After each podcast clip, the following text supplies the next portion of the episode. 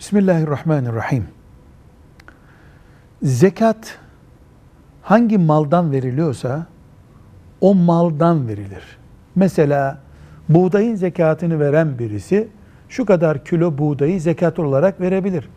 Mesela konfeksiyoncu e, zekat verdiği zaman 15 tane gömleği zekat olarak verebilir.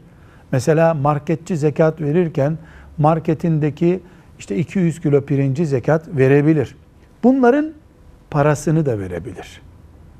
Veya eldeki paranın parasından da zekat verilebilir. Kağıt parayla zekat verilemeyeceği konusunda İslam alimlerinin ittifak ettiği bir görüş yoktur.